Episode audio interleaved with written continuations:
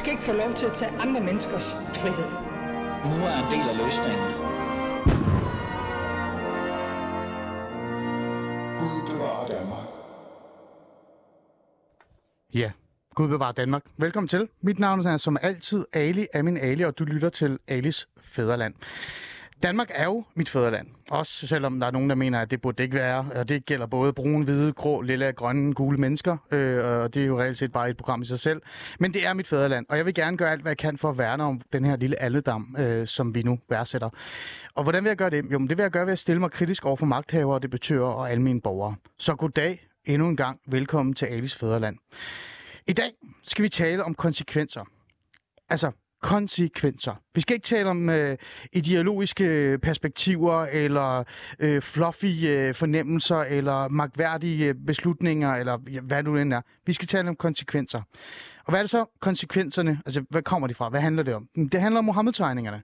Ja, det er virkelig en debat, vi har taget mange gange. Det er en debat, jeg har taget mange gange. Og ved I hvad, øh, kære lytter, den stopper jeg ikke med at tage. Den bliver taget, den bliver taget tusinder af gange af mig. Og sådan er det. Og grunden til at gøre det, det er fordi, at vi reelt set står med et ytringsfrihed og et demokratisk problem. Og det gør vi på baggrund af de her Mohammed-tegninger. Øhm, så nu vil jeg gerne tage det op igen, men på en ny måde. Og så er vi tilbage til det her med, hvad handler det her program om? Det handler om konsekvenserne. Og det er det, jeg vil have fokus på. Og for at kunne få en, et indblik, et indsigt og også en forståelse for, hvilken konsekvenser det reelt set kan have. Altså for eksempel, og det er jo det, det kommer til at handle mest om i dag, at undervise i Mohammed-tegningerne, eller have en interesse for at undervise i det, eller har lyst til at tale om det, fordi, altså, både fordi det er nogle vigtige tegninger, men det er også fordi, det har noget ytringsfrihedsmæssigt, dannelsesmæssigt perspektiv i det. Så har jeg besluttet mig for at invitere to øh, gæster i studiet. Vi har faktisk tre, men vi starter med de to, som jeg synes er de mest vigtige. Det er faktisk undervisere, øh, og de kommer til at sætte øh, rammerne for det her program. Men før jeg beslutter mig for lige at fortælle jer, hvem de er, og, øh, og invitere dem ind i programmet, så tænker jeg lige, at vi lige tager øh, dagens opdatering. Det er jo noget, vi alle sammen er begyndt at, at vende os til at værdsætte og elske. Øh, Alis nyhedsopdateringer, ting som pisser ham af, eller ting som, øh, som jeg synes er røv irriterende. Men det kan jo også godt være positive ting. Så lad os lige starte med den, og så tænker jeg, at vi, øh, vi går i gang med programmet. Og så en lille, lille ting, som jeg synes, at I lige skal lytte efter nu. I kan faktisk blande jer i debatten. Det kan I, og det har jeg altid kunnet, men det vil jeg øh, reelt set sætte lidt fokus på fra nu af. Så hvis I har lyst til at blande jer i debatten, send en sms til 92 45 99 45. Det var 92 45 99 45. Eller gå ind på Alice Fæderland på Facebook. Det kan I meget nemt finde, Alice Fæderland. Og skriv øh, en kommentar under det opslag, jeg har lavet omkring netop det her program. Og så skal jeg sagt sus med love jer for, at jeg læser de her ting op. Og det gør jeg uden filter, fordi ytringsfriheden er vigtigt. Nå, lad os få vores nyhedsting.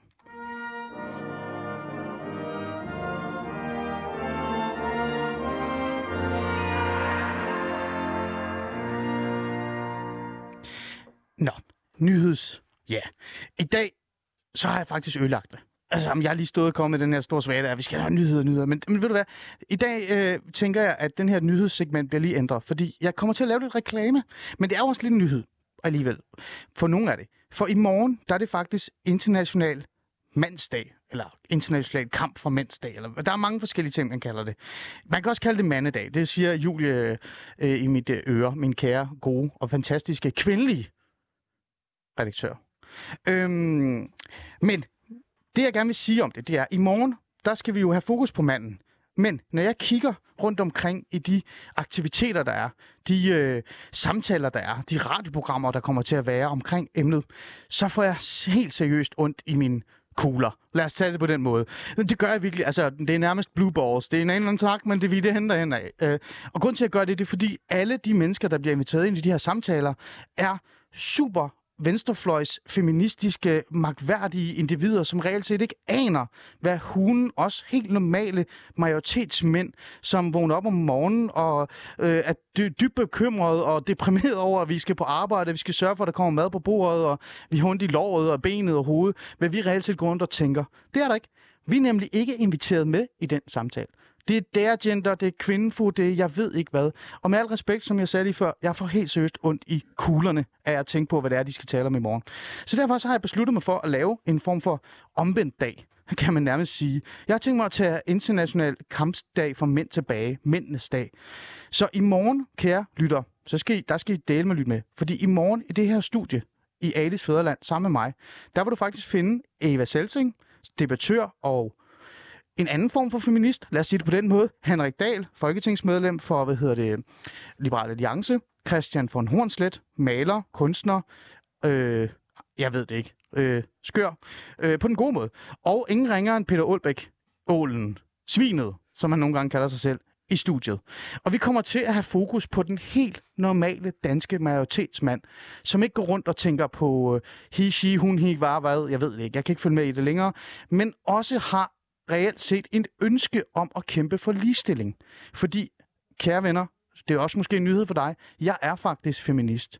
Det er jeg helt ind til benet. Men jeg er borgerlig feminist. Det vil sige, jeg er dannet af at være og tænke ligestilling fra start. Det er ikke nogen, der skal sparke mig i mine kugler, for at jeg skal forstå, hvad det er. Så med de ord, og øh, det var nærmest et rant i sig selv, så tænker jeg, glæder jeg til i morgen, 12.00... Øh, 12.06 allerede, der går vi i gang, og det kommer vi til, skulle til at fejre rigtig meget. Så lyt med i morgen.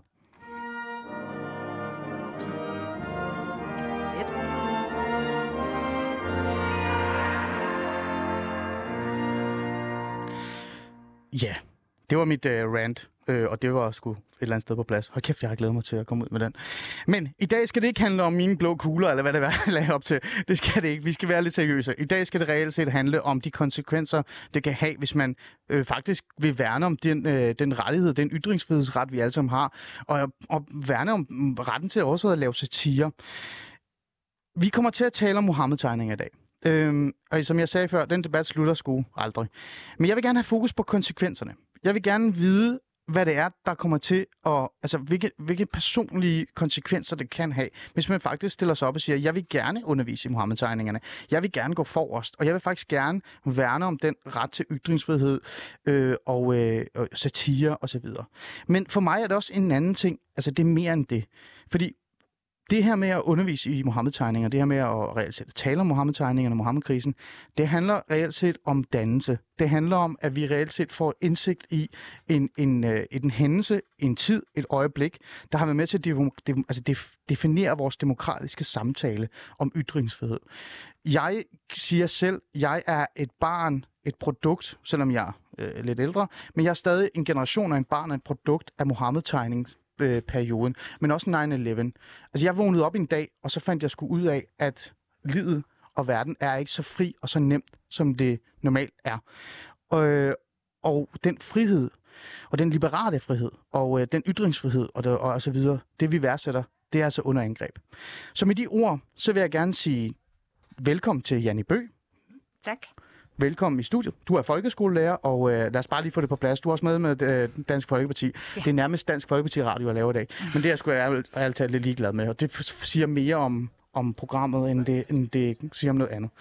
Øhm, og så har jeg også øh, med på telefon, det kommer senere, øh, Peter Skorp, folketingsmedlem for Dansk Folkeparti med. Det kommer vi ind på.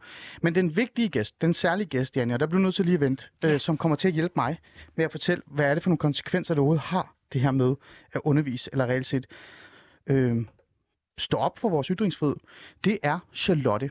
Ja. Charlotte, er du med mig? Ja, jeg er her. Velkommen til. I, på telefonen, ja. Øhm, ja, du er nemlig ikke i studiet, og det er der også en rigtig god grund til. Men det kommer vi lidt ind på. Charlotte, du øh, du er jo anonym. Du hedder jo ikke Charlotte. Jeg ved godt, hvem du er. Øh, det har jeg fået at vide, men jeg har også holdt det tæt for mig. Der er faktisk ingen andre i øh, det her skønne kommende 24-7, eller vi kalder det loud lige nu, der ved, hvem du er. Den har jeg holdt fast ved mig selv. Og grund til det, det er jo fordi, at du netop øh, virkelig har mærket konsekvenserne af at gå ud og sige, at du gerne vil undervise, eller i hvert fald øh, gør det, du gerne vil, i forhold til Mohammed-tegningerne. Charlotte, i stedet for at jeg skal fortælle en masse ting om dig, så vil jeg hellere starte med at spørge din historie. Det her med, at du gerne vil undervise Mohammed-tegningerne. Hvad var det, der skete? Ja, det skete for øh, lidt over et år siden, øh, den fredag, den øh, 16. Oktober, hvor øh, den franske lærer Samuel Paty blev dræbt i Paris, efter han havde vist øh, Mohammed-tegningerne i sin undervisning. Og det hørte jeg den fredag om aftenen gennem nyhederne, og øh, det chokerede mig. Mm. Øh, det chokerede mig især, fordi øh, jeg selv er underviser, så det var jo en kollega, der blev dræbt, øh, fordi han varetog sin undervisergærning. Øh, så det gjorde, at jeg den følgende dag lagde et øh, opslag op på Facebook, øh, hvor jeg skrev, Fremover vil Mohammed-tegningerne indgå som en del af min undervisning. Jeg opfordrer andre undervisere til det samme i respekt for vores modige kollegaer i Paris. Mm. Og for at sikre grundlaget for vores arbejde, ytringsfriheden.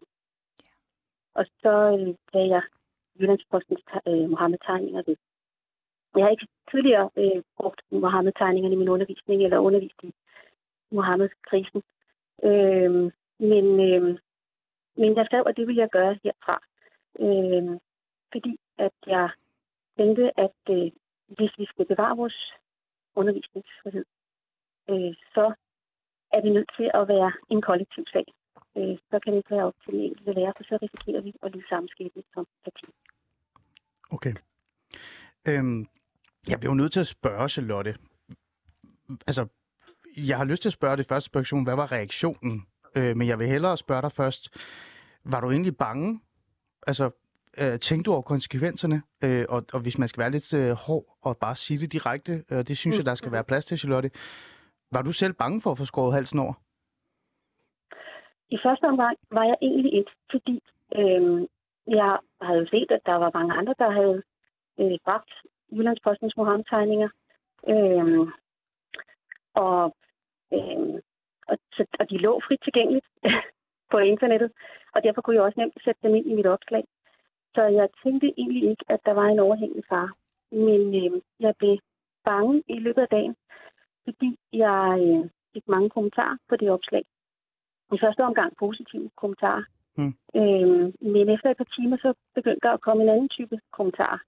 Og de tog fart. Altså til sidst så blev det sådan en ja, bølge af, af, af sådan, øh, forhåndende kommentarer med alle mulige skældsord om, at jeg var øh, racist og skør og et svin og, og mange andre grimme ting.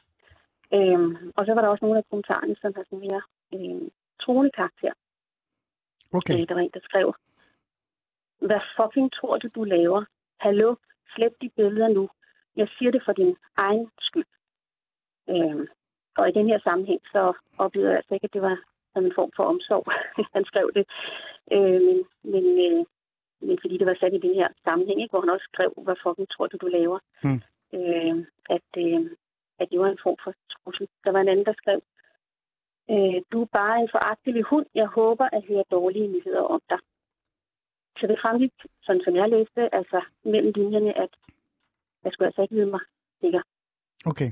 Øh, og der var mange andre kommentarer i samme øh, karakter, ikke? hvor mm der blev henvist til ISIS, og at de sendte soldater til Europa og har stærke efterretningssystemer, og hvor de ikke kan finde frem til folk. Øh. Så, så jeg øh, må indrømme, at jeg, jeg blev bange i løbet af den dag. Okay. Øhm, Charlotte, det er ikke fordi, jeg ikke jeg vil stoppe dig fra at fortælle din historie. Jeg gerne vil have, at, øh, at jeg har et par, et par andre spørgsmål til dig også. Men øh, det er fordi, at øh, jeg har jo Peter Skorp med, øh, og han er blevet øh, fanget i noget andet. Så jeg vil gerne bare lige, øh, for, lige for, for, for den skyld, altså for at vi ikke slipper ham, og han forsvinder, så vil jeg gerne lige have ham ind i samtalen. Er det okay med dig, Charlotte? Er jeg lige spørger ham lidt ind øh, til, hvad han tænker, når han hører din historie?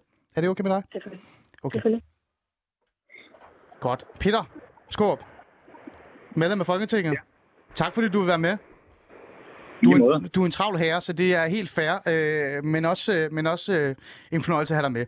For jeg tænker, det her det er vigtigt. Øh, grund til, at jeg har ringet dig op, eller grund til, at jeg har spurgt dig, om du har lyst til at være med, det er jo fordi, at du er en af dem, som øh, ikke kun taler om, at Mohammed-tegningerne skal undervises i, øh, og så videre, og så videre. Du prøver reelt set også at, at skabe en politisk øh, samtale omkring det, og du prøver faktisk også at, at presse nogle andre af dine kære politiske øh, kollegaer til at gøre noget ved det. Øhm, Peter, du delte øh, min anden gæst, ikke Charlotte, som vi lige netop har hørt om, øh, hør historien fra, øhm, øh, øh, hendes Facebook-opslag fra den samme dag, hvor, øh, eller det var en anden dag med ytringsfrihedsting, og du sagde, at du ville prøve at sætte noget politisk i gang. Øhm, hvordan ser det egentlig ud, Peter? I forhold til det? Det arbejder vi på. Øh, vi havde øh, både justitsministeren og, og øh, regeringsminister i, i møde, øh, i, hvor, hvor vi øh, foreslog øh, ministerne, at øh, der kunne komme en særlig dag, hvor man underviser i ytringsfrihed og Mohammed-tegningerne. Okay. Jeg synes, at det er meget voldsomt, øh, den, den måde, som man modtager øh, rene trusler, vil jeg jo kalde det, Ja. som jeg lige har hørt her. Ja, Charlottes historie. Øhm, Charlottes historie. Jeg synes, at Charlotte og andre, der, der øh, gerne vil øh, bruge deres ytringsfrihed og, og øh, lærer, der gerne vil undervise øh, frit, fordi de nu synes, at det er det rigtige. De skal have lov til det, og det skal ikke være et å for dem, trækker ned over dem. Det skal være sådan, at vi øh, hjælper dem, øh, og at vi løfter det af, Mm. mm. sådan så at øh, samfundet som sådan siger, det vil vi gerne have, at der Mm. bliver undervist i. Men, men Peter, øh, jeg er jo øh, reelt enig med dig, og bare lige for at introducere dig 100%, så alle er med. Du er jo Peter Skåb, du er folketingsmedlem for, for Dansk Folkeparti, øh, og du er en af dem, som gør rigtig meget ud af, som jeg sagde lige før, i forhold til at finde nogle konkrete løsninger. Øh, men Peter, øh, det det her det har jeg altså hørt før. Øh, og jeg, det er jo 15 år siden Mohammed-tegningerne blev øh, tegnet nærmest, og vi har haft en masse diskussioner, og hver gang så har jeg bare vendet mig til at blive rigtig træt af at høre politikere øh, sige, jamen, vi skal bare undervise i det, vi skal bare undervise i det. Nu kommer du med, noget, med nogle, nogle konkrete idéer, og, du, og der er også andre, der er kommet. Eva Gregersen for eksempel, en meget bekymret borger, kan man kalde hende, har også kommet med eksempler på, hvad man kan gøre. Peter, er der overhovedet noget håb om, at dine kære kollegaer øh, tager, tager sig sammen og er med på at skabe en løsning? Vi skal altid have et håb om, at det sker. Og øh, vi fulgte jo op i går i Folketingssalen på Ja. øh, det, som statsministeren sagde den 11. maj i Folketingssalen, hvor hun ville indkalde partierne til øh, en drøftelse og forhandling på, hvad kunne man så gøre Ja. konkret i den her sag. Øh, I Folketingssalen i går, der øh, sagde justitsministeren så, at man, fordi der ikke ske noget, desværre. Øh, så sagde han, at der, der vil blive et møde og en, en forhandling i det nye år. Øh, der må man sige, at det er svært at have tålmodighed så lang tid, fordi Ja. der er jo hver dag tale om, at øh, ytringsfriheden bliver, bliver krænket, og det er svært for lærer at undervise. Ja. Men øh, jeg tror på, jeg skal tro på, at det kan lade sig gøre at overbevise regeringen. Øh, Pernille rosenkrantz teil der er minister på børne- og undervisningsområdet, hun var ikke så sent i går at sige ja til, at man laver en sådan dag, øh, sådan at, at læ- lærerne øh, får den hjælp af, af samfundet. Mm. Men, øh, men hun vil gerne forhandle det, og det, det, det er ligesom spillereglerne. Så længe der ikke er andre end Dansk Folkeparti, der presser på, jamen så, så, så er vi der, vi er, at, at vi i det nye år må høre, hvad regeringen siger. Okay. Øhm, så må vi jo håbe, øh, Peter, det er meget hårdt sagt det her, men så må vi jo håbe, der er ikke nogen, der får skåret hovedet af, eller bliver troet endnu mere indtil det nye år. Øh, Jamen, det er jo nemlig det, øh, det, er, jo- det er jo nemlig det, det er jo hver eneste dag, at øh, vi oplever de her eksempler. Øh, og vi skulle nødt have, at der sker det samme som i Frankrig, hvor Samuel Paty, han, øh, han bliver udsat for terror og, og dør, Mm. fordi øh, han bruger sin ytringsfrihed. Mm. Det skal ikke ske i Danmark, og det er vigtigt, at regeringen opper sig. Jeg så gerne, at man satte noget i gang med det samme. Ja. Øh, bare lige sådan lige hurtigt, øh, den her dag, der skal være, hvor, som der skal undervises, er det stadig øh, lærerne, der skal undervise i det, eller er, det, er vi ikke, øh, taler vi om nogle andre øh, konkret? Har du en forslag i forhold til det, eller en idé om det? først, først og fremmest, at lærerne skal, skal være der og undervise. Øhm, i dag er det sådan, at vi ikke tør fremvise de her Mohammed-tegninger i deres undervisning. Og ved at indføre en, en national dag, så skal lærerne jo ikke selv tage ansvaret på sig, og så bliver det obligatorisk for alle. Og så kan man ikke lægge den enkelte lærer til last. Og når lærer paradoxalt nok ikke tør undervise ytringsfrihed, så handler det jo dybest set om, at vores ytringsfrihed er under pres. Så, så lærerne skal, ja, og, og er der andre kræfter, der, der skal være med, og, og mener man det på skolen, så er det jo meget velkommen. Okay, men Peter, hvad med, hvis de er bange? Hvad med, hvis de reelt set er bange for at have, få de samme konsekvenser, og, og det samme, der er sket for Charlotte og, og Jannis historie, vi kommer til at høre lige om lidt. Øh, Hvad, hvad har du at sige til dem? Jamen, der er det jo vigtigt, at skoleledelser bakker, bakker dem op. Altså, det skal jo være sådan, at de har som lærer øh, ytrings- og metodefrihed, ja, men de skal også have opbakning øh, til at bruge den ytrings- og metodefrihed. Mm. Og, og der er det jo et kæmpe problem, hvis man lader det være op til den enkelte lærer. For hvis man risikerer sit eget vælge, og måske endda sit job, så er der ikke nogen, der vil undervise i ytringsfrihed og Mohammed-tegninger. Mm. Så derfor så skal, Ja. skal skoleledelserne bakke dem op, og hvis ikke skoleledelserne kan finde ud af det, øh, jamen så skal Folketinget og regeringen bakke op. Og, og ved at sige, at vi får en særlig dag, hvor man underviser i det her, jamen så er det jo svært at knibe sig udenom nogle steder. Men betyder det så ikke også, Peter, at vi på en eller anden måde, vi må jo se konsekvenserne i øjnene, vi må jo se uh, sandheden i øjnene. Betyder det så også et eller andet sted, at vi nærmest kommer til at have vagter på vores folkeskoler og pt agenter og jeg ved ikke hvad, Gør det ikke det? Fordi bare ved at lave en dag øh, og have opbakning fra regeringen, det stopper jo ikke øh, crazy islamister og rablende mennesker. Nej, øh, det gør det ikke, og, og det kan jo i yderste konsekvens være, være sådan, det er. Øh, vi har jo haft en, en stor indvandring igennem årene, hvor der kommer rigtig mange fra specielt muslimske lande, og øh, hvis man nok fører sig godt og ordentligt, så er der ingen problemer der.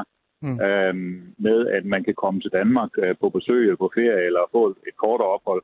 Men, men hvis man øh, tror andre mennesker, hvis man er så forankret i islamisme og religion, at man ikke kan se ud over det, så har vi et problem, og så skal folk slet ikke være i Danmark. Så hvis der er nogen, der tør at vise sig sådan en dag og konfrontere læger og, og politik, nødvendigt, hvis man har det, så er det på dig. Det vil vi ikke finde os i. Okay. Peter Skåb, øh, folketingsmedlem for Dansk Folkeparti, og en af dem, øh, vil jeg mene, nu er du et holdningsbordet program, så det er ret til at sige, som reelt set forsøger at gøre øh, en forskel i forhold til det her. Tak fordi du vil med, og tak fordi du tog din tid. Og så regner jeg med, at vi ses, ja, vi ses, i, stu- vi ses i studiet næste gang, ikke Peter? Det gør vi. Det er bestemt. bestemt. det er godt. Det er, godt. det er fint. Tak. Ja, hej. Nå, tilbage til dig, øh, Charlotte. Er du her stadig? Det håber jeg. Ja, ja. Beklager, at jeg lige måtte øh, springe ham ind, øh, for jeg tænkte, han, hans, øh, hans øh, reaktion, men også hans øh, arbejde var, var netop vigtigt her. Ikke? Øhm, jeg, jeg havde det her øh, spørgsmål til dig i forhold til, om du har fortrudt det. Øhm, jeg tænker, øh, er det noget, du har gjort? Altså, har du fortrudt det? Har du, står du tilbage lige nu og tænker, den konsekvens, det har haft for dig, der hvor du er lige nu, det her med, at du er med i mit program øh, anonymt, Øhm, det har haft, altså det har jo været voldsomt. Så har du fortrudt det? I dag har jeg ikke fortrudt det. Øh, jeg vil sige, i dagene lige efter, øh, der, hvis du havde spurgt mig der, kunne det godt være, at jeg havde sagt, at jeg har fortrudt det. Mm. Øh, men øh, nu når jeg har fået det på afstand, øh, og nu når jeg også har kunne se, at det har medført en, øh, en debat, øh, som jeg synes er vigtig, øh, så har jeg ikke fortrudt nej fordi jeg synes, det er virkelig det er vigtigt at øh, få tydeliggjort, hvad det er, vi er op imod. Og som det er i dag, at lærere ikke i realiteten har undervisningsfrihed. Mm. Øhm, så det, for mig at se, så er det været med til at pege på, at vi skal finde nogle svar på, hvordan vi kan sikre den undervisningsfrihed. Ja. Øhm, og finde nogle konkrete løsninger. Mm. Øh, og der hørte vi jo Peter Skåbs øh, øh, idé, eller i hvert fald det forslag, Dansk Folkeparti kommer med. Øhm, jeg kunne jo spørge dig, hvad du synes om det, men jeg tænker sådan, det, jeg, jeg, jeg lader det være, øh, fordi det vi talte om før, vi havde, altså du var med i det her program, øhm, der sagde du til mig, at jeg vil bare have, at nogen skal finde en løsning, så det kan blive, altså, øhm, i stedet for bare, at vi bliver med at tale om det. Ikke? Øhm, her til sidst, øh, Charlotte, øhm, jeg tænker, jeg vil faktisk gerne, fordi det her program handler jo om konsekvenserne, ikke? og vi har jo talt mm. lidt om, du har fortalt mig lidt, så konsekvenserne for dig, altså dit liv nu, og dit liv før, øhm, kan du komme lidt ind på det? Ja, altså, øh, konsekvensen er jo, at øh, jeg ikke viser Muhammed-tegninger i min undervisning. Konsekvensen er, at jeg øh, siden øh, dengang for godt et år siden har haft hemmelig adresse.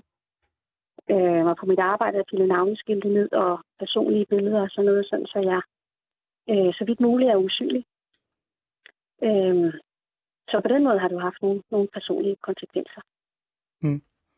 Hvad, hvad, øh, ja. ja. Hvad med, øh, og det er måske meget øh, at gå til dig alligevel, men øh, hvad med sådan øh, helt personligt øh, derhjemme? Øh, familie og, og andre ting. Er, har du blevet nødt til at, sådan, at ændre vaner, og øh, hvordan du mødes med folk, hvordan du, øh, hvem du taler med, hvem du øh, altså, er meget mere opmærksom på din hverdag fra nu af? Jeg er selvfølgelig meget opmærksom på, øh, hvem der får noget at vide om, øh, at jeg har skrevet det her opslag på Facebook, og hvad det ført med sig. Øh, så, så på den måde, så har det ændret noget, ikke? Øh, hvem og hvad at vide. Øh, I dagene efter gik jeg forskellige veje øh, efter anbefaling fra politiet øh, til og fra arbejde. Øh, men øh, det gør jeg ikke længere. Okay. Altså, så på den måde kan man sige, altså i forhold til mit, min dagligdag er, er, er sådan normaliseret, ikke? Men, men, øh, men det, der stadigvæk står tilbage, det er, at øh, jeg ikke kan stå åben frem og fortælle om, hvad det var, der skete. Øh, og ja, hmm. når det kommer til Mohammed-tegningerne, øh, er blevet usynlig. Har du mistet venner? Nej, det har jeg ikke. Okay. Jeg har været meget påpasselig med dem, der har fået noget at vide. Øhm, og jeg, dem, der har fået noget at vide, de har støttet op om mig. Og det gælder også de få kolleger, som øh, har fået noget at vide, eller selv har kunne gætte sig til det, øh, at de har, øh, de har støttet op om mig. Mm. Og så har jeg ikke mindst øh, min, øh, min rektor øh, støttet fuldt op Ja. øh, om mig. Så det betyder også meget. Okay. Her til sidst, så vi ikke bare øh, alle sammen bliver nærmest, øh, eller jeg bliver i hvert fald nærmest deprimeret og tænker, at det hele var fuldstændig galt. Øhm, Charlotte, øhm, nu kom Peter Skåb fra Dansk Folkeparti øh, med reelt set et forslag, han er også i gang med at, at tvinge regeringen eller andre til at forholde sig til det. Øh, er der sådan egentlig håb, tror du? Eller kommer vi til at stå her om 15 år igen, og jeg er gråhåret og er ved at falde om, og der er ikke sket en, undskyld min ord, en skid? Øhm, ja, jeg synes bestemt, der er håb. Øhm, jeg synes, det, der er sket her de seneste år, giver mig håb. Altså, at det er, er blevet en øh, debat. Øhm, der er sket det, der også er øh, undervisere øh, på alle niveauer øh, i undervisningssystemet, som er gået sammen i gruppen parti, plus nogle andre mm. mennesker, som, som er sympati for sagen, som øh, så siden har arbejdet øh, for lærernes øh, ytringsfrihed, metodefrihed, undervisningsfrihed. Øh, så, så på den måde der øh, har jeg håb. Øh, det bliver kommet opmærksomhed på, på problemet, øh, og der arbejdes på at finde nogle konkrete løsninger. For det er vigtigt for mig, at det bliver nogle øh, fælles løsninger. Mm. Mm. Øh, at det ikke er den enkelte lærer, der skal, der skal stå med problemet. Okay. Charlotte, tak fordi øh, du vil være med. Og øh, jeg fik ikke engang sagt øh, tillykke med prisen, men der, jeg ved ikke, hvor meget tillykke der er i forhold til den her ytringsfrihedspris, du har fået. Men øh, jeg vil i hvert fald gerne sige øh, herfra, med, fra Alice Fæderland og mange andre, øh, tænker jeg øh, tak for det, du har gjort, og, og, og tak for, at du reelt set øh, ja, tog den øh, beslutning, du tog. Og, og, og så er jeg jo selvfølgelig ked af i forhold til alle de her konsekvenser. Men det er jo derfor, vi har det her program, og det er derfor, jeg tager det op i dag, det er, at vi skal have konsekvenserne frem. Ikke? Så igen, tak fordi du vil være med. Selv tak for at tage det op.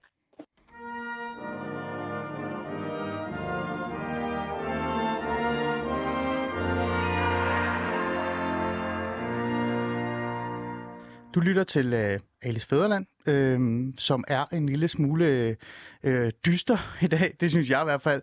Øh, og det er fordi, at jeg har besluttet mig for at tale om Mohammed-tegninger, øh, Mohammed-tegningerne, men ikke på sådan en øh, fluffy, stor, øh, vanvittig måde, øh, men mere sådan i forhold til, hvilken konsekvenser det reelt har haft for mennesker, øh, der har stillet sig frem og faktisk øh, haft lyst til at undervise i dem, eller forsvare vores øh, ret til ytringsfrihed og ret til øh, at tegne, hvad fanden vi har lyst til. Øh, jeg bander lidt i dag, men det, det er fordi, jeg er sådan lidt sur og irriteret over alt det her. Og i studiet har jeg haft indtil videre øh, på telefon Peter Skåb fra øh, Dansk Folkeparti, folketingsmedlem, som øh, er en af de politikere, vil jeg mene, som virkelig kæmper for at finde en løsning. Han har netop øh, stillet nogle spørgsmål til Mette Frederiksen. Han har netop kommet med nogle forslag, og der kører lige nu en, øh, et, øh, i hvert fald et forsøg på at skabe en form for hvad kan vi sige, en øh, alliance om, hvordan vi konkret kan løse det her med, hvordan hun skal vi kunne undervise i det, uden der er nogen, der får skåret hovedet af, øh, sagt hårdt. Og så havde jeg Charlotte med øh, i studiet, en anonym øh, underviser, som har modtaget en, øh, en pris. Øh, hun har fået øh, Tryghedsfrihedsselskabets Ytringsfriheds Sabo-prisen sammen med sin rektor Stefan Hermann og Københavns Professions, under Professionshøjskole. Og det har hun gjort, fordi hun netop øh, sagde, at hun gerne vil undervise i Mohammed-tegninger, for hun synes, det var ekstremt vigtigt i en kontekst. Øhm, det gik bare ikke så godt. Øh, det endte jo med, at hun netop blev anonym, fordi hun fik trusler og, og så videre, og ja, sørgelig historie. Men jeg har jo også en anden ind i studiet, og Janni, du er her stadig. Du Ja, har siddet det helt musestille og lyttet med. Ja. Du er øh, Janni Bø, du er ja. folkeskolelærer, Mhm. og du er medlem af Dansk Folkeparti, øhm, og har lige netop været øh, på valgplakater. Ja.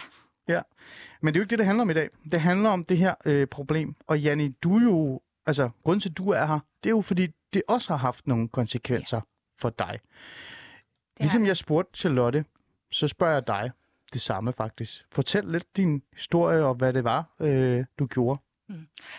Ja, altså man kan sige, at jeg så jo Charlottes opslag på Facebook. Øhm, og jeg forså det jo så også forsvinde igen. Og kunne jo så høre, at det var på grund af, at hun havde modtaget de her trusler. Og jeg har jo været politisk aktiv i det meste af mit voksenliv. Så jeg har jo ofte på Facebook udtrykt, at jeg bruger Mohammed-tegningerne i min undervisning. Så det skrev jeg et opslag om igen. Så det har du gjort før Det har hele jeg. det her øh, Ja. Samuel øh, Petit-drab og, øh, og alle de her ting. Øhm, lad os lige tage den før. Ja. Hvordan var det egentlig? Altså, før, altså, var, der, var der også en masse konsekvenser? Nej. Og, nej, det var der ikke. Nej, altså man kan sige, at jeg har jo altid fået ubehagelige beskeder. Det gør man jo gerne, når man er politisk Hvilken ubehagelig aktiv. besked havde det må høre? Jamen, så har det været sådan noget. Så har jeg modtaget et billede af et erigeret, omskåret lem i forhold til denne her skal nok få dig til at konvertere og passe på dine børn. og... Undskyld, hvad? Du har fået dick pics for, Yes. for at du... Okay, det er, jo, det er jo det mest skøre, jeg har hørt nogensinde. Ja. Det giver ingen mening. Nej. Øh, men hvad med sådan nogle... Så, men der var ikke så mange trusler? Altså ikke før alt det her, og man kan sige efterfølgende, der har det også, jeg har fået trusler, jeg har fået 16, som er sendt videre i systemet. Mm. Men det var jeg forberedt på. Okay.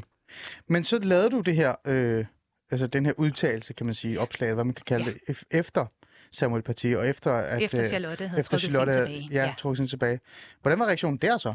Jamen, så blev jeg jo så kontaktet af, af BT, og efterfølgende af Aftenshowet og P1-debat, og har jo så medvirket de tre steder, og har udtalt mig andre steder også. Okay, jeg bliver nødt til lige at forstå, hvorfor. Var det fordi, de bare synes det var interessant, du gerne ville øh, undervise i dem, eller? Mm, ja, det var vel i forhold til, at jeg jo var den eneste, og stadigvæk er den eneste, som ikke er anonym, som står frem og siger, Altså eneste åben folkeskole, altså ja, officielt den ene, ja, underviser generelt. underviser generelt. Ja. Øhm, og hvad skete der så? Altså, jeg vil, jeg vil godt lige sige, at for mig, der, jo, jeg har min egen ytringsfrihed, men for mig, der handler det om at sikre, at børnene bliver undervist i deres ytringsfrihed, i deres rettigheder og pligter ud fra grundloven. Okay, Det er simpelthen det vigtigste for mig i denne her debat. Ja. Øhm, og derfor tager jeg den. Ja. Man kan sige, at efterfølgende, der var reaktionen på min arbejdsplads meget voldsom, som jeg ikke havde forudset. okay. Øhm, og man kan sige, det øhm, eskalerede jo så gennem et halvt år, hvor jeg så til sidst ja, knækkede øhm, og gik igennem en sygemelding, også på et halvt år, hvor jeg jo så har fået stress- og angstdiagnosen. Okay. Og har jo så nu andet, landet i en situation, hvor min læge siger, at jeg kan ikke være lærer længere. Jeg kan Mm. ikke tåle det. Jeg bliver jo nødt til at spørge dig, fordi det netop handler om det her med konsekvenserne, og vi bliver nødt Ja. til at tale åbent om det, Ja. så folk kan forstå, hvor voldsom en konsekvens det kan have for menneskers liv, det her. Fortæl mig den reaktion. Du siger, det har været en voldsom reaktion fra din, fra din øh, kære. Kan du komme med et eksempel? Altså man kan sige, mm, mine kollegaer blev jo meget ophidset og meget vrede alle sammen. Og i stedet for at vende vreden mod truslen, så blev den vendt mod mig. Mm. Øhm, og det har jo så medført, at jeg er blevet skubbet til, at jeg er blevet overfuset, og jeg er blevet totalt ekskluderet af fællesskabet og ignoreret af alle. Mm. Så ja, jeg gik fra at helt almindelig arbejdsliv til pludselig at være sådan en spøgelse på mm. gangene, som man ignorerede. Samtidig med, at min ledelse ikke bakkede op omkring mig, og derved gjorde mine arbejdsvilkår hårdere og hårdere og hårdere, indtil Mm. jeg til sidst knækkede på det. Kan du, kan du nævne et, et konkret eksempel? Du siger det med, at du blev skubbet til. Kan du fortælle mig, hvad det Ja. var, der skete der? Ja, vi blev øhm, over Aula, fik vi sådan en fælles indkaldelse til, at vi skulle komme til et informationsmøde. En, øh, en morgen klokken 7.45, og der stod ikke, hvad det handlede om. Og jeg vidste faktisk ikke, at det handlede om mig, før jeg stod i det. Øhm, Mm. Så da jeg ko- ankom, så var alle mine kollegaer jo stuet sammen inde på det lille bitte lærerværelse, og det var så skoledistriktschefen, altså den øverste i kommunen, som så stod og informerede om, at jeg havde været i medierne med de og de udtalelser. Der Okay. gik det så op for mig, okay, det her møde, det handler om mig. Om dig. Og der kunne jeg ligesom meget hurtigt fornemme, at mine kære kollegaer var meget, meget ophidset. Og jeg havde så en af mine kollegaer, der så ja, fire gange i løbet af det kvarter, det møde varede, tilfældigvis lige skulle forbi mig og gav mig et hårdt puff med skulderen. Men det var noget, de andre så. Ja. Og der, var ingen de reaktion. andre hørte mig, og de hørte jo også de mumlende stemmer, der sad og kaldte mig for nazist og racist i salen. Og det har de jo gjort gennem et halvt år. Altså dine kollegaer? Ja. Fordi du gerne vil undervise i Mohammed-tegningerne? Fordi at jeg ja, har stået op for, at selvfølgelig skal vi også kunne undervise i Mohammed-tegningerne og anvende dem i undervisningen. Vi kan jo ikke viske Mohammed-krisen ud. Vi bliver nødt til at kunne tale om det. Nej, det vil, det vil være ønskeværdigt. Altså i hvert fald det negative ting ved det. Jo, jo, Øhm, men, men- vi har stadigvæk en forpligtelse til at oplyse og danne børnene. Absolut. Øh, hvad med ledelsen? Hvad med folk, der reelt set har bare en lille smule magt? Øh, hvordan reagerede de, reagerede de på dig? Du fortalte mig jo en, en lille anekdote, som jeg blev faktisk lidt chokeret over, da jeg hørte. Altså det der med, øh, at øh, der var nogen, der havde bakket op, og så alligevel så ville de ikke bakke op. Ja. For man kan sige, at min ledelse valgte at forholde sig neutral. De ville ikke tage stilling. Øh, og det har været deres udmelding gennem hele forløbet. Ja. Min øh, tidligere teammarker snakkede jeg med, før jeg deltog i, øh, i BT. Og hun gav udtryk for, at hun var 100% enig med mig, hvilket kun bekræftede mig i, at det her det er jo ikke, fordi jeg er Dansk Folkeparti. Det handler ikke om rød eller blå. Nej. Det her det handler om rigtigt eller forkert. Men så gik der et par dage, og så blev hun påvirket af stemningen på skolen. Og det endte så ud med, at hun til sidst måtte gå til ledelsen og sige, at hun følte sig så traumatiseret, at hun ikke ville være i klasseværelse med mig længere, og blev så flyttet til en anden klasse. Min tillidsrepræsentant på skolen kom lige efter, jeg havde været med i P1-debat og trak mig ud på gangen midt i min undervisning, hvor han så råbte og skreg. Øhm, og der er jo mange, der sådan efterfølgende siger, hvorfor sagde du ikke sådan og sådan til ham? Men det var ikke en dialog. Altså, jeg havde ikke mulighed for at byde ind. Det var en regulær skideballe. Han overfusede dig og skældte ud. Fuldkommen, ja. Hvad sagde han? Jamen, øh, han sagde, at jeg havde et foragteligt menneskesyn, et forkvaklet menneskesyn, at jeg bare var ude på at promovere mig selv i forhold til mit naziparti, og at han ikke ville være i lokale med mig efterfølgende. Men det, det er jo sindssygt, Janne. Undskyld mig. Øhm, fortalte du ikke det her videre til nogen i skolen, en ledelse, et eller andet? Jo, jo, jo, nogle jo. Jeg mennesker, jo- altså, der må altså- der være en eller anden, der Altså- styrer det her biks for Altså, fanden. Det halve år, der gik før jeg knækkede, der har jeg jo været til gentagende møder hos ledelsen, Ja. hvor jeg har gjort opmærksom på de ting, jeg ligesom oplevede. Mm. Øh, men det blev bagatelliseret. Okay.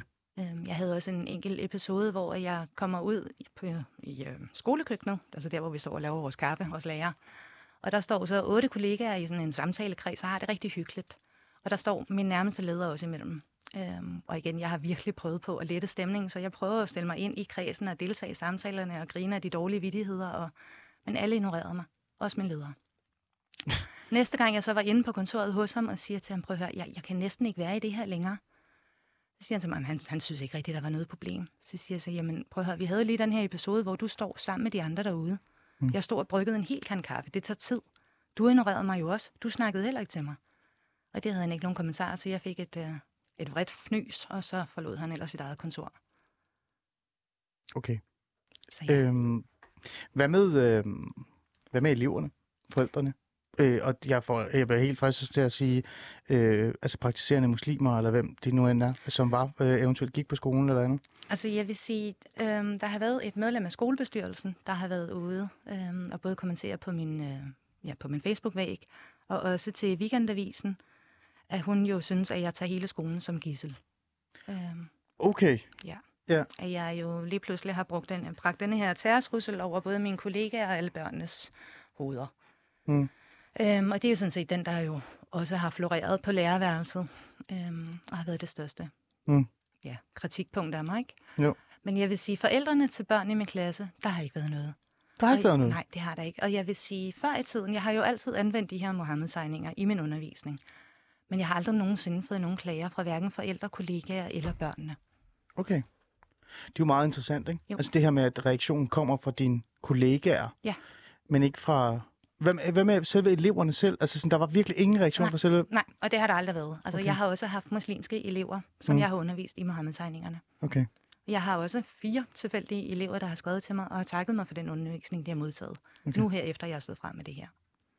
Altså, man får jo nærmest lyst til at, at spørge dig om, øh, at, eller det lyder i hvert fald som om, øh, at øh, mobningen fra kollegaerne har været værre end de andre reaktioner. Det, det er i hvert fald også øh, min gode øh, redaktør, øh, Julie, der lige siger, at det, det ja, Og at det er jo også det, der er lidt påfaldende i det her. Nu render jeg rundt med den her angstdiagnose, men det er faktisk ikke angst for en islamistisk trussel.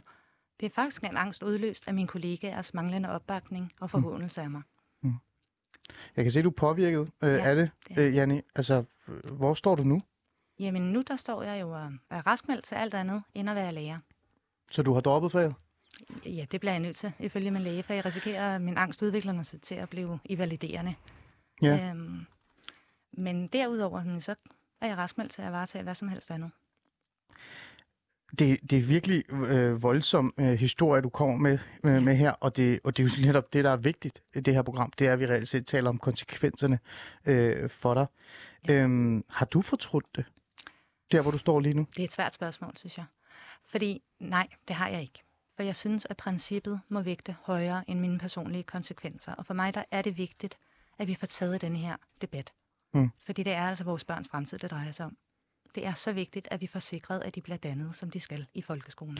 Men Janni, det, er jo, det lyder meget ideologisk. Ja. Og det er også fedt. Øh, og det er jo ikke, fordi jeg sidder her og siger, nu er du rigtig politiker, Nej, nej, øh, når du siger det. Men det er jo en voldsom konsekvens, det har haft det for er dig. det. Har du aldrig, har du aldrig på et tidspunkt, har du ikke på et tidspunkt bare vågnet op og tænkt, det her, det har virkelig, det er noget, jeg har fået, altså, det burde jeg ikke have gjort.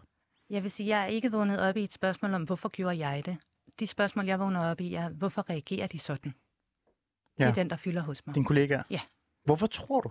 Hvor, altså, hvorfor tror du? Altså, jeg får nærmest lyst til at tænke, det er fordi, de enten er bange, eller at de reelt set bare ideologisk, eller politisk, eller øh, Mm. etisk synes, at du er en idiot, og du er ond, og, og, Og- du repræsenterer noget, som de overhovedet ikke vil, fordi du netop øh, er DF eller et eller andet. Men hvad, hvad tror du?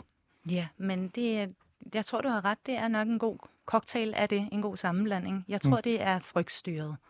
Øhm, det vælger jeg at håbe på, det er. Mm. Fordi der er jo ikke noget nyt i, at lærere er politisk aktive. Det har de jo altid været. Altså, så kan man sige, så er de typisk bare røde. Men hvis man kan være rød som lærer, så kan man vel også være blå. Og jeg har aldrig taget mine personlige politiske holdninger med ind i klasserummet, for det er simpelthen ikke min opgave, når jeg er lærer. Mm. Altså, der er min vigtigste opgave, at jeg underviser eleverne, så de bliver i stand til på et oplyst og, grund- og kritisk grundlag at kunne drage deres egne holdninger og meninger. Mm. Øhm, så i forhold til, hvor mit politiske ståsted er, jamen den kritik er jeg nødt til at lade pralle af på mig. For den bliver simpelthen ikke ramt af, for det er ikke noget, jeg har gjort, og det er heller ikke noget, jeg på noget tidspunkt har tænkt, at nu skulle jeg ind og indoktrinere mine elever til hverken det ene eller det andet. Mm. Så jeg tror, det må være baseret på frygt. Øhm, Og så er vi tilbage til det her med voldsmandens veto. præcis. som altid ender med at være en ideologisk, men også en vigtig samtale i det her med Mohammed-tegninger. Ja. Og det er også med vilje, jeg reelt set, det tog mig øh, næsten 47 minutter, før jeg brugte ordet voldsmandens veto, mm. fordi at jeg netop gerne vil have fokus på konsekvenserne, men nu tager vi den. Ja. Det her, det er jo Charlottes historie, din historie, grund til at overhovedet ringer Peter Skorup op, og Mhm. Peter Skorup stiller spørgsmålstegn til regeringen. Ja. Alt det her er jo på grund af voldsmandens veto. Ja, og lige nu har han vundet. Ja, det har han, har han ikke Ja, det? det har han. Tror du, dine kollegaer tænker på det?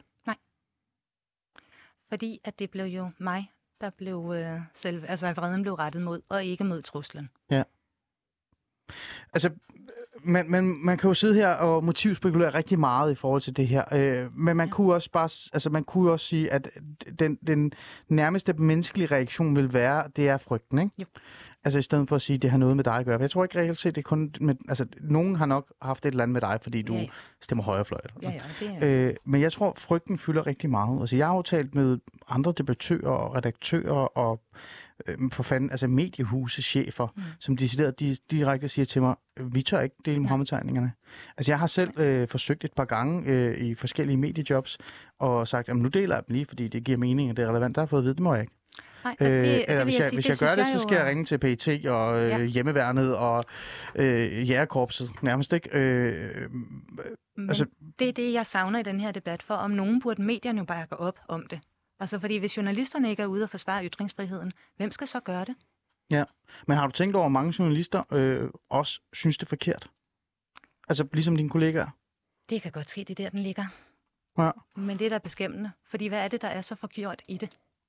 Ej, det er et godt spørgsmål. Det er et program i sig selv.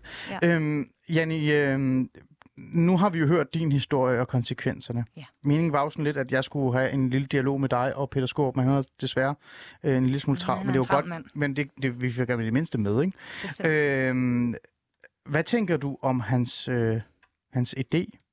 Altså det her med, fordi lige nu der står vi i en situation, hvor vi har hørt konsekvenserne. Voldsmandens veto er reelt set vundet, ikke? Det har den. Øhm, men vi skal jo gøre et eller andet. Altså man kan sige, at mit eget forslag har jo været en appel til, til Danmarks Radio, for de har jo det, der hedder DR Skole, som jo bryster sig af, at de jo står op for, altså for øh, den demokratiske dannelsesproces, ja. Ja. det er de aktivt deltagende i. Mm. Altså så mit forslag har jo været, jamen så få dem til at producere et undervisningsprogram, som vi kan vise til eleverne, og så tage en snak med dem efterfølgende. Så kan DR jo vise på samme program om aftenen, sådan så forældrene ved, hvad er det, eleverne de er blevet undervist i i løbet af dagen. Mm. Så kan de tage dialogen derhjemme, og de kan tage den med os lærere, som jo så står for den. Så du vil have det væk fra øh, lærerne? Du vil have det væk fra Jeg folkeskolen have- fra? Ja, at der er nogen, der har et overordnet ansvar omkring det. Mm. Sådan så det ikke bliver et spørgsmål om den enkelte lærer. Mm. Som det er lige nu, der er det jo et tilvalg. Men det, jeg synes, det er en interessant øh, diskussion, og det er jo ikke tilbage til det her med, at mediehuse skal tage et ansvar. Ja. Ikke? Øhm, men politikere skal også tage et Det ansvar. skal de. Og nu har en, en politiker i hvert fald, øh, øh, Peter Skåb, Ja. taget den beslutning om, at det her det er. Hvad Ja, tænker du om den? Peter. Tak til Peter. Ja, ja, men ja, vi vil jo sikkert være enige med ham. Hvad tænker du, hvad tænker du om den? Altså det her med, at så laver vi en, en national dag, øh, hvor, vi, hvor alle skoler øh, underviser Mm. i Mohammed-krisen, Mohammed-tegningerne osv. Øh, jeg synes, det lyder øh, smukt, Ja. men jeg, altså, det ændrer ikke på, at voldsmands veto stadig er der. Det ændrer ikke på, at øh, jeg nok skal regne med, at hvis jeg afleverer min søn i den folkeskole, så skal der nok stå et par vagter Ja. foran døren. Men hvad tænker du om den? Jeg tænker, at jeg synes, det er en god idé. Fordi jeg synes jo, det her det er så vigtigt. Øhm, men jeg tænker også, at det, øh, det gør jo ikke noget ved de kollegaer, jeg har, som har modstand på det. Som ikke har lyst til at vise mig i undervisning. Som mener, at det er krænkende bare at nævne ordet Mohammed-tegninger i skoleregi. Dem får vi jo ikke rykket på. Men omvendt, de, altså, hvis vi gør det her i stedet for, så vil de ikke længere være den dominerende stemme i debatten. Okay. Øhm, For så bliver det ikke et tilvalg, så bliver det et fravalg fra deres side. det kan jeg godt følge dig. Det kan jeg godt følge dig. Øhm, vi har faktisk en, øh, en, øh, en, en reaktion, eller hvad man kan kalde en kommentar, jeg lige kan læse op. Øh, det er fra en person, der altid blander sig i den her samtale, må man sige. En Christian Markusen, tror jeg, Ja. har du hørt om ham før. Ja, ja. Han skriver, at det er fint, at Skåb vil gøre det, altså, eller vil gøre noget, og det er bedre end ingenting. Men jeg tror, det er en dårlig idé med en nationaldag, da det vil være en, en, øh, der vil det være en for oplagt anledning til terrorangreb. Han går Mm. direkte til den. Da jeg holdt oplæg om løsninger på Vartov for et par uger siden, havde jeg følgende forslag med. Løsningen, som skal skabe en kulturforandring i skolen, ved at vise, ved at starte en samtale om emnets vigtighed, ved at vise ovenfra, at vi mener det. At det er nødvendigt at undervise i og en god ting. Altså, det er selve... Han vil gerne have en, en samtale omkring undervisningen i det. Altså det Ja. her med, at det reelt er vigtigt. Hvad tænker du om det? Altså, jeg har jo selv øh, ytret den her idé om, at, at, øh, at det burde være en del af ytringsfrihedsundervisning. Ja. Altså, vi reelt set skal skrive ytringsfriheden ind i undervisningen. Øh, og så under ytringsfrihed og satire og hele det her. Fordi, som jeg sagde til dig i starten af programmet, jeg er jo selv en, hvad kan vi sige, en generation af, af, af voksne mænd, eller gamle, eller 16-årige nærmest inde i, fordi de spiller for meget Playstation, som reelt set er øh, defineret af det her, er blevet præget af det. Ikke? Jo. Øhm, hvad tænker du om, om, om det? Også lidt det, Christian Markusen kom med her. Altså man kan sige, at samtalen, som er, den er vi jo forhåbentlig allerede i gang med. Altså, men vi skal selvfølgelig blive ved med at have den her debat om det. Mm. Øhm, men ja, hvad tænker du konkret i forhold til, hvad han siger? Jamen, altså, jeg, jeg, jeg, jeg, altså, Christian øh, er rigtig god til at sige en masse ting, øh, og, det, og det, jeg synes faktisk, det her det er en, en øh, vigtig øh, ting, han kommer med. Men jeg vil gerne være sådan mere øh, super konkret. Ja. Og mit forslag, det er jo nær, nærmest at skrive ytringsfrihed, altså Ja. undervisning i ytringsfrihed. Det er ligesom vi har uge 6, Ja. øh, hvor vi bliver undervist i sex. Men, Øh, her kan vi have en uge, jeg ved det ikke, 12, hvor vi bliver undervist i ytringsfrihed hele ugen. Og så starter vi helt forfra. Altså ytringsfrihed i forhold til satire, ytringsfrihed i forhold til øh, den offentlige debat, ytringsfrihed i forhold til at gå rundt og vise naziflag. Og så Ja. kører hele baduljen, og så er der en dag, øh, der er Mohammed-tegningerne, og det kan være under satire eller andet. Øh, den kritik, jeg er blevet mødt med i forhold til den her, øh, det her eksempel, det er, øh, jamen så går du væk fra selve problemet, som er Mohammed-tegningerne. Så prøver du sådan at mismaske det, altså du prøver sådan at kamuflere det, så det bliver men det hænger jo sammen. hyggeligere. Altså, så, så bliver det hyggeligt, det ved jeg simpelthen ikke, om det gør. Men man kan sige, for mig, der er det vigtigt jo netop, at børnene bliver undervist i deres rettigheder og pligter i forhold Mhm. til grundloven. Fordi det er vores øverste ja, dokument her i mm. samfundet. Det er det, vi alle sammen skal indrette os under. Og vi får rettigheder, men vi får også pligter. Og man kan sige, at ytringsfriheden er jo en af de ting, vi får i grundloven. Mm. Så selvfølgelig skal børnene undervises i det. Ja. Der er jo også nogen, der har foreslået, at så skal Mohammed-krisen skrives på som punkt 30 i historiekanonen. Det kan også være Ja, det er konservative folkeparti, er det ikke det, Jo, øh, det som er kommet med det forslag? Men så er vi bare tilbage til men- det der med, øh, ja ja, men så underviser nogen i det, og så står de over for en men, men jeg vil terrortrussel. lige sige sådan i forhold til dit forslag, altså Anders Fogh, han prøvede der i sin tid at få lavet en decideret demokratikanon, som så skulle have været ude, ligesom historiekanonen og dansk kanonen er. Ja. Det synes jeg da også er et godt forslag. For det er jo ikke sådan, at vi nødvendigvis behøver at skrive, nu skal det hele handle om Mohammed-tegninger. Nej, det skal handle om grundloven, det skal handle om rettigheder, det skal handle om pligter. Ja. Og derunder er ytringsfriheden, og derfor nytter det ikke noget, at vi ikke kan tale om det, fordi der er en tegning, som der er nogen, som ikke vil have bliver vist. Mm. For så er det jo ikke ytringsfrihed længere. Ytringsfriheden er jo netop, at vi skal kunne tåle det, vi ikke kan lide at se. Men hvis jeg skal være djævelens advokat over for mig selv, og det, jeg vil ved, men det er ikke kun mig, der har foreslået det. Der er sikkert en masse andre, der også har foreslået det. Det er bare min hjerne, der bare tænker, ah, det er en god idé egentlig. øh, hvis jeg skal være sådan lidt øh, djævelens advokat over for mig selv. Øh, ja, ja, jeg er jo enig med dig. Ja. Men igen, problemet er jo Mohammed-tegningerne. Ja. Altså, vi kan jo tegne, hvad fanden vi vil. I dag, da jeg skulle lave det her opslag, så havde jeg faktisk lyst til at dele Mohammed-tegningerne. Ja. Men så blev jeg sådan lidt træt i hovedet over, hvor meget jeg skulle igennem Ja. for det. Øh, så jeg tog et stykke papir og skrev Mohammed-tegning, og så satte jeg den op, ikke? Øhm, jamen, det er virkelig sørgeligt, ikke? Jo, Øh, sidste det er det. Øh, og det er faktisk det er, det er overhovedet ikke sjovt. Men, men det var det, jeg gjorde, ikke? Øhm, men det er jo Mohammed-tegningerne, det handler om. Det er det, ja. Øhm, det er- Så dem, som siger til mig og til dig også nu, for eksempel, hvis du er enig med mig, at I går jo væk fra problemet. Fordi jeg kan godt tegne øh, øh, Pia Kærsgaard som gris. Jeg kan godt tegne dronning Margrethe helt nøgen, øh, der får et eller andet... Nej, jeg har ikke lyst til at sige det, fordi vi skal ikke snakke under med dronning Nej, Margrethe. Øhm, jeg kan blive ved, ikke? Jeg kan blive ved. Øh, Jeg kan tegne en jøde, jeg kan tegne en videre. Du kan tegne hvad som helst. Ja. Bare ikke Mohammed. Mike Mohammed. Så igen, øhm, er, det også, er det ikke også på en eller anden måde en form for at give, give voldsmands me- veto øh, ret til at bestemme over os igen, ved at sige, men så får vi det til at handle om noget andet? Øh, Det, det mener jeg faktisk ikke. Jeg mener faktisk, at vi skal stå fast på, jamen vi kan vise, sige, ytre præcis, hvad vi har lyst til. Mm. Du skal bare stå på mål på dine holdninger. Men man kan sige, at vi er sikret, at det må vi gerne. Hvorfor skal vi så holde en profet hellig, som ikke engang hører til vores egen religion? Altså, jeg, jeg, jeg forstår ikke argumentet med, hvorfor er det lige præcis, at vi ikke kan vise de her Mohammed-tegninger. Mm. Og det er rigtigt, det er det, der er essensen af det hele. Men vi er nødt til at gøre det ud fra et perspektiv, jamen prøv at høre, alt andet kan gå, så selvfølgelig kan det her også. og så kommer du reelt set til det, som jeg synes, der er det allervigtigste. Det er også det, der har handlet om i dag, vi har, vi har kun to minutter tilbage, øh, men det er konsekvenserne. Ikke? Ja. Nu har vi hørt konsekvenserne for dig. Ja.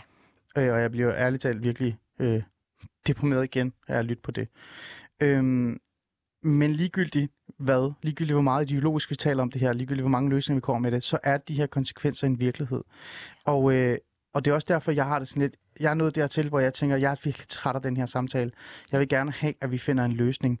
Øhm, fordi at i morgen, i overmorgen, næste uge, der kan vi have endnu en lærer, der kan stå øh, over med de her konsekvenser. Ja. Øhm, så øh, med de ord, sådan lidt meget kort her, øh, Janni, øh, er der lidt håb, eller skal mig og dig sidde igen rigtig gamle og bedre om 15 år i et eller andet studie? Altså man kan sige, jeg er jo et optimistisk menneske sådan fra naturens side, så jeg håber da på, at vi med denne her debat kan få rykket på tingene. Ja. Jeg kan frygte, at vi ikke gør. Måske skal vi bare tale meget mere om konsekvenserne. Ja. Altså, fordi hvis vi virkelig kaster det ud i hovedet på folk, hvilke konsekvenser det har, og hvor meget det kan ødelægge mennesker øh, og menneskers rettigheder til ytringsfrihed, så kan det være, at vi sådan på en eller anden måde kan få det folk til at fatte, hvor alvorligt det her. Det der være et håb om Øhm, i hvert fald. Med de ord, Ja. så er vi nået til øh, slut af det her. Øhm, ja, Jannebø, tak fordi du vil være med øh, Tak, i dag. Øh, folkeskolelærer, forhåbentlig muligvis igen folkeskolelærer en dag. Mm, nej. Nej, det er også fair nok. Og så siger jeg tak til Peter Skorp selvfølgelig, øh, som også har været med, og Charlotte. Ude i regien sidder øh, Julie Krog. Krav. Det er bare for sjovt.